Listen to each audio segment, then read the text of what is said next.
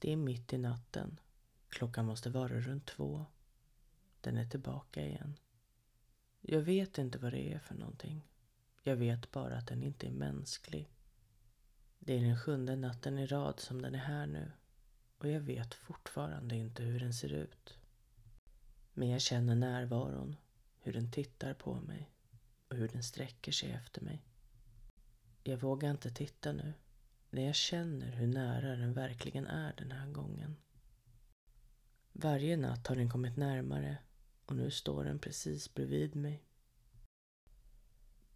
Andedräkten jag känner får mig att förstå att om jag öppnar ögonen så kommer jag att se ett par stirrande ögon bara centimeter ifrån mitt ansikte. Varje gång den har varit här så stannar den i cirka en timme. Och varje gång den går så ger den ifrån sig ett gurglande ljud som låter som ett skratt. Varje gång jag öppnar ögonen så ser jag den precis när den rundar hörnet från vardagsrummet och ut i hallen och jag ser bara en lång skugga försvinna. Jag vet inte vad det är för någonting, men jag förstår att det inte är mänskligt. Det är någonting annat. Någonting som inte hör hemma här.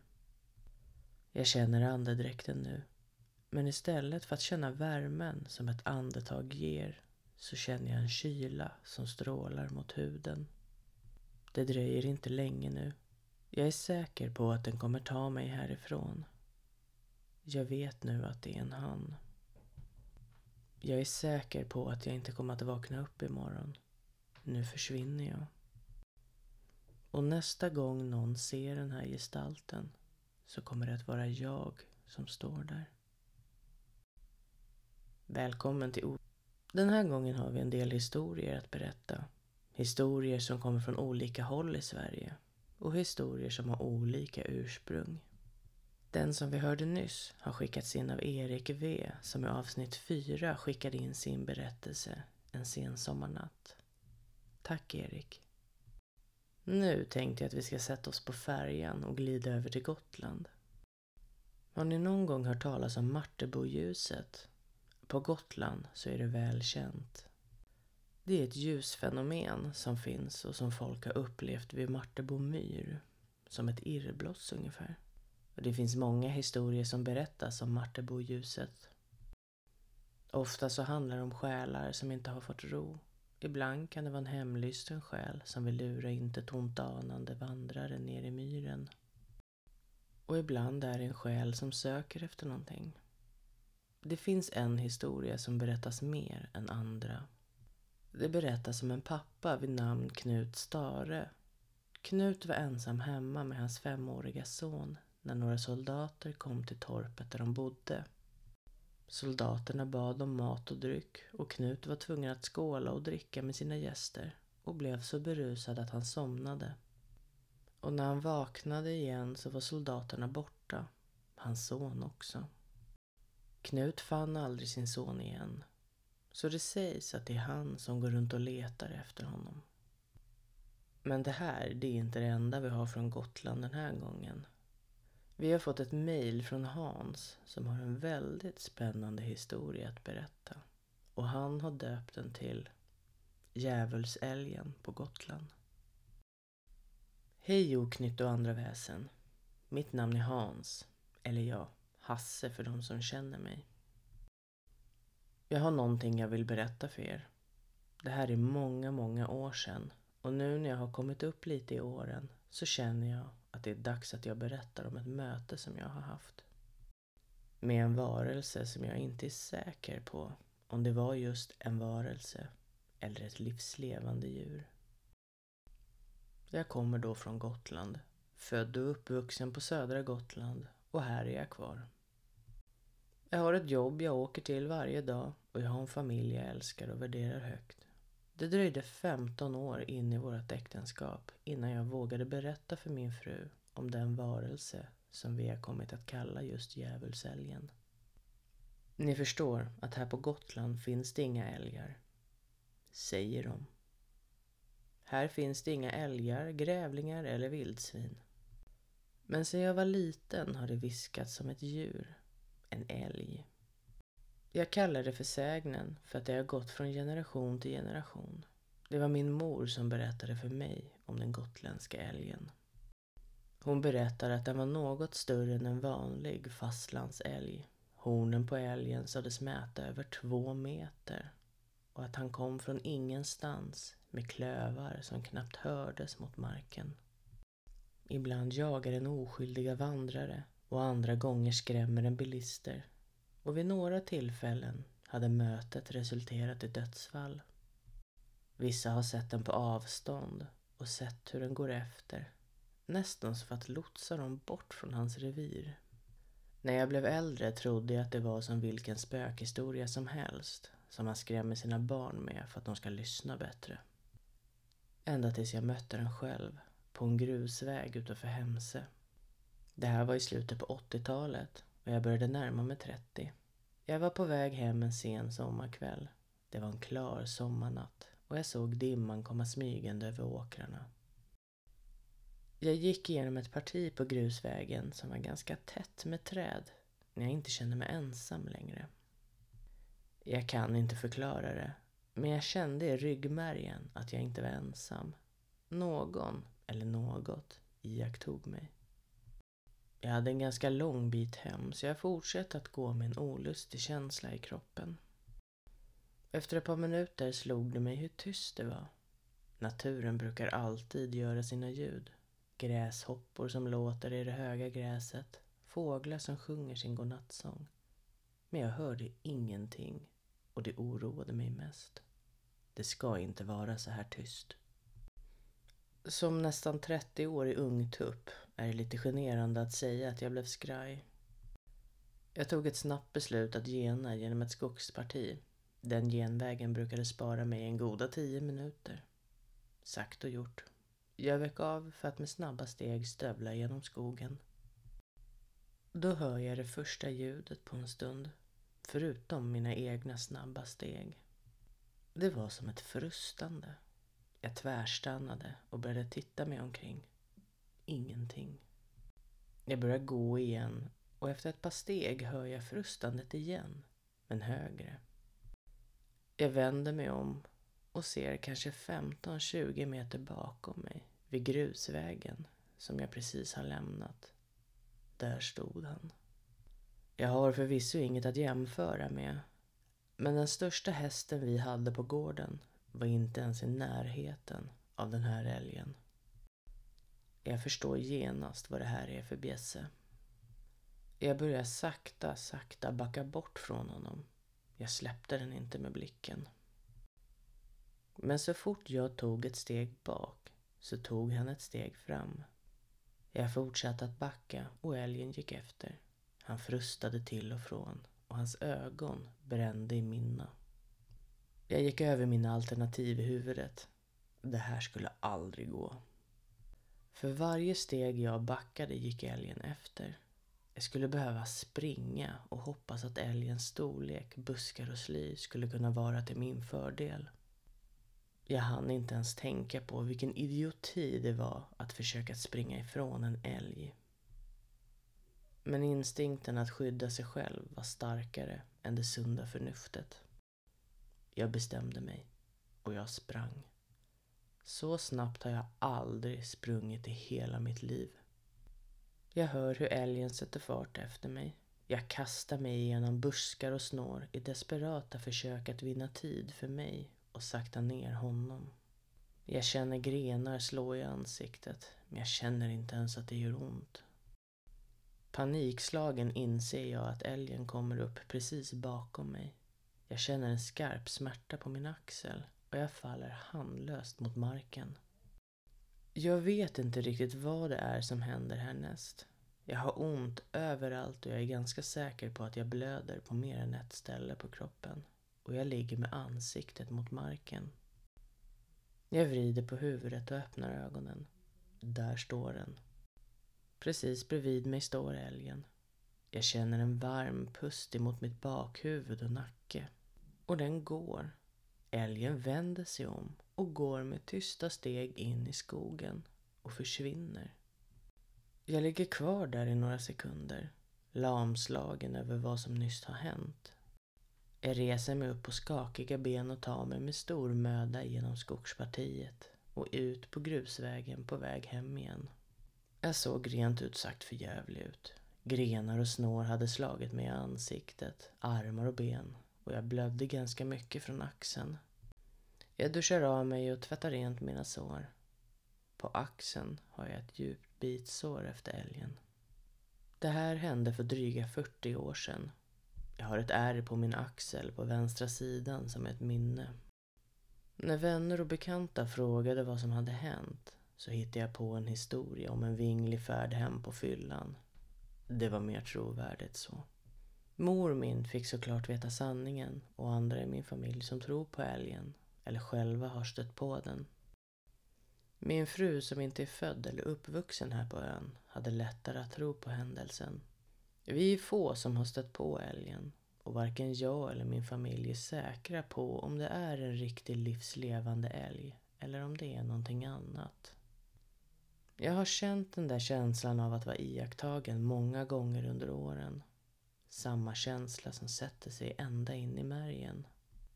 Om ni frågar mig så har vi nog ett väsen här på södra Gotland. Och få är vi som har sett honom. Men tro mig när jag säger att han finns där. Med vänlig hälsning, Hasse. Tack Hans för din berättelse. Ja, finns det älg på Gotland? Är det riktiga älgar?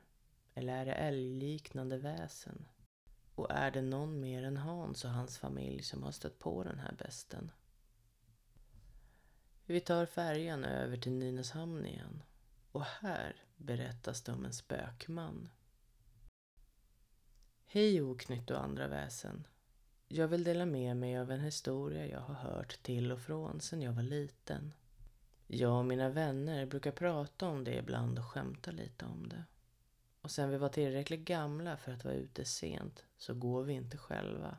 Av flera olika anledningar. Men Spökmannen är en av dem. Det var en kall och dimmig höstnatt i den lilla kuststaden Nynäshamn. Tystnaden bröts endast av det skramlande ljudet från tåget när det lämnade stationen för sista gången för natten. De flesta människor hade redan retirerat till sina hem, insvepta i sina filtar och varma sängkläder. Medan den låga dis som svepte in från Östersjön la sig som en slöja över staden. Det finns en berättelse som florerade bland de lokala invånarna om en skrämmande varelse som vandrade längs tågrälsen när natten föll. En spökman. Ingen visste riktigt vem han var eller vad som hade hänt honom. Men alla enades om att hans närvaro var övernaturlig och mystisk. De som hade turen eller oturen att vara ute sent på natten kunde ibland skymta honom. En mörk gestalt i trasiga kläder och en gammal hatt som sakta, nästan smygande, rörde sig längs tågrälsen. Hans steg var knappt hörbara, som om han vandrade utan att röra marken. Hans ansikte var aldrig tydligt synligt, alltid dolt i skuggor. Folk har berättat hur de hörde märkliga ljud när han passerade. Ett viskande, spöklikt susande som fyllde natten och fick obehaget att krypa längs ryggraden. När han kom för nära sa vissa att de kände en iskall vind svepa förbi dem. Som om livet självt försvann i hans närhet.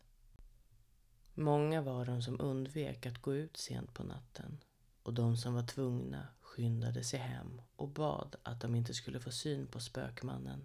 Det viskas om historier om de som har mött honom och sen försvunnit för att aldrig mer återvända. Och så fortsatte natten i Nynäshamn medan spökmannen fortsatte sin eviga vandring längs de tågrälsar som hade blivit hans öde. Tack för att ni läste mitt mejl. Tyra på Backlura. Tack Tyra för ditt mejl. I det här avsnittet är vi nog lite partiska. Vi ska beta av så många håll som möjligt i Sverige om berättelser och sägner i våra olika kommuner. Och den här gången så har vi valt att välja historier från ställen som vi känner väl till eller har bott på. Så nästa kommer därför att bli Rishögen i Sorunda. Jag kommer ihåg första gången jag hörde talas om det här. Det var på en lektion. Jag tror att jag gick i mellanstadiet.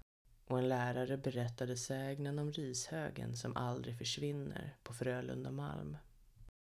Det visade sig inte bara vara om en rishög utan en berättelse om kärlek, svek och mord som ligger bakom. Högen ligger som sagt vid Frölunda Malm i Sorunda. Och när man åker förbi så ska man lägga en gren på högen. Och när man åker tillbaka ska man lägga en gren till. Om man vill skydda sig mot onda andar och onda väsen så ska man lägga på granris. Granris är trots allt det träslaget som är effektivast mot onda andar. Och det sägs även att om man tar bort rishögen så är den tillbaka dagen efter. Hur rishögen kom till och sägnen kring den går tillbaka ända till 1700-talet. Ett förälskat par skulle gifta sig, men mannen ryckte ut i krig. Och det dröjde flera år och mannen kom inte hem igen. Så då beslutade sig kvinnan för att gifta sig med någon annan. Men samma dag som bröllopet skulle ske så kommer mannen hem igen och väntar på det blivande paret när de var på väg till kyrkan i ett bakhåll. Alla tre mister livet och sedan dess så kastar alla som passerar platsen en kvist eller en gren på stället där det hände. I Nynäshamns-Posten finns en artikel om den här rishögen och även att platsen misstänks kunna vara en gammal avrättningsplats och att de till och med hittar belägg för att det har funnits en galgbacke där rishögen står. Så ja, oavsett om man tror att det var en olycklig kärlek eller en gammal avrättningsplats som gör att rishögen aldrig försvinner så kanske man kan enas om att det är ändå rätt så intressant. Så har ni vägarna förbi Sorunda någon gång, glöm inte att åka förbi och lägga en gren på högen. Sorunda. Ja, där är jag född och uppvuxen. Alla platser har sina sägner och traditioner. Och innan vi går över till nästa ställe så tänkte jag bara berätta om en tradition som har funnits i Sorunda sedan 1600-talet. Bockjakten. Och nej, jag tänker inte prata om att jaga djur. Den här jakten går ut på att göra bockar av halm och placera ut. Det här är en tradition som från början gick ut på att man ställde ut en bock till de bönderna som var latast.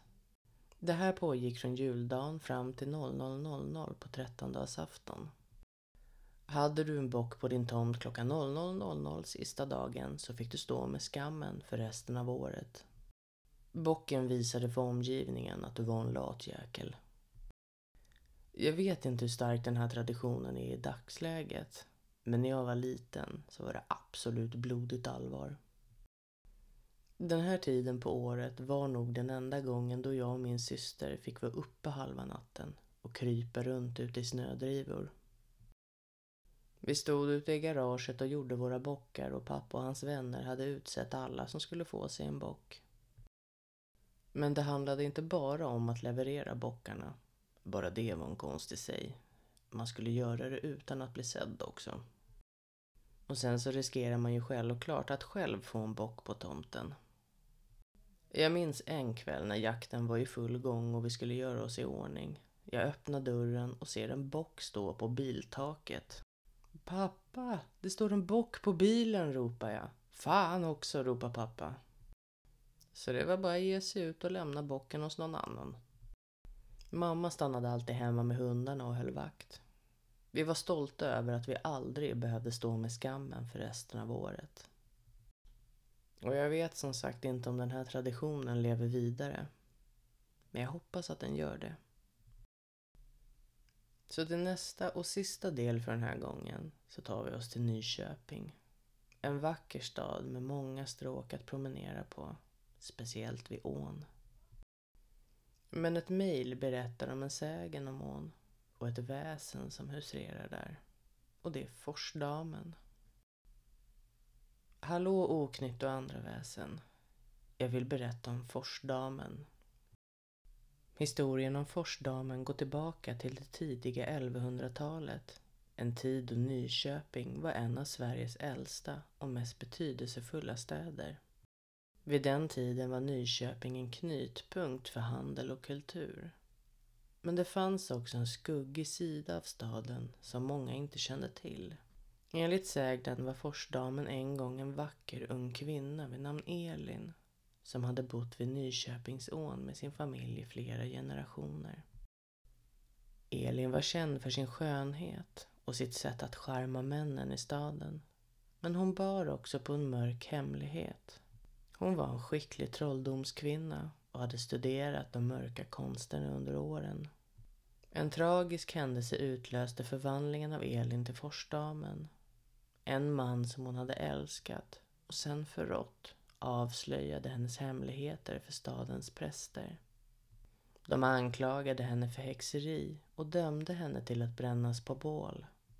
I en sista desperat handling svor Elin att hon skulle återvända och hämnas på dem som bar på mörka hemligheter eller gjort någon orätt. När elden brann och röken steg mot himlen försvann Elin mitt framför ögonen på alla. Många trodde att hon hade dött och att det var slutet på henne. Men de hade fel. Elin hade blivit en varelse av mörker och vatten, förenad med Nyköpingsån själv. Hon hade blivit Forsdamen, en ond ande som vandrade längs ån och förföljde dem som hade förrått någon eller som gömde mörka hemligheter. Under århundradena efter sin förvandling till Forsdamen blev hon en legendarisk och skrämmande figur här i Nyköping. Staden växte och förändrades, men Forsdamen förblev en konstant skugga över invånarna. Hennes makt över vattnet i ån blev allt mer ökänd och människor kom från när och fjärran för att försöka tämja den mäktiga flodgudinnan. Det berättades många historier om Forsdamen och hennes mörka hämnd. En av de mest fruktade förmågorna hon har är att kunna locka människor till vattnet genom förtrollande sånger. Hon sjunger vackra melodier som sveper genom nattens luft och dröjer sig kvar i människors sinnen. De som hör hennes sång kan inte motstå lockelsen att följa efter henne ner i strömmen. Många försökte att avslöja Forsdamens hemligheter och bryta hennes förbannelse över staden. Präster utförde exorcismer längs ån och trolldomsmästare försökte besvärja henne med sina egna krafter. Men ingen kunde tygla hennes makt över vattnet och de som försökte blev själva offer för hennes vrede. Trots att Forsdamen kunde vara skrämmande och hemlysten fanns det de som trodde att det fanns en sorglig sida av henne. Vissa sa att hon grät längs med ån under stormiga nätter. En sorgsen sång som skar genom nattens tystnad. Det sades att hon grät för sitt eget öde, fångad i en evig existens som en ond ande. Många försökte få frid åt Forsdamen genom att erbjuda gåvor eller utföra rituella handlingar längs ån. Men det var svårt att veta om hon någonsin kunde förlåta dem som hade förrått henne och låta sitt hjärta mjukna. Än idag när natten faller över Nyköping och dimman rullar in över ån finns det de som påstår sig höra Forsdamens sorgsna sång. Hennes berättelse lever vidare som en varning om konsekvenserna av förräderi och ondska och Nyköpings invånare håller den i minnet så att de aldrig ska glömma den gåtfulla kvinnan som blev en sägnen i staden. Det där var alltså Forsdamen av en anonym lyssnare. Tack för den. Ja, vad tror ni om det ni har hört den här gången? Är det Knut Stare som letar efter sin son? Eller är det sumpgas som självantänder? Finns det älgar på Gotland? Eller är det ett uråldrigt väsen som håller sig väl dolt? Har ni kanske själva sett Spökmannen eller Forsdamen? Så vad tycker du om oknytt och andra väsen? Har du kanske någonting underligt som har hänt dig? Maila gärna in på oknytt och andra vasen gmail.com och berätta. Med det sagt så säger vi hej då för den här gången. Börja bygga era bockar så de är klara till juldagen. Och skulle du höra forsdamen sjunga om nätterna så följ inte hennes sång. Tills nästa gång.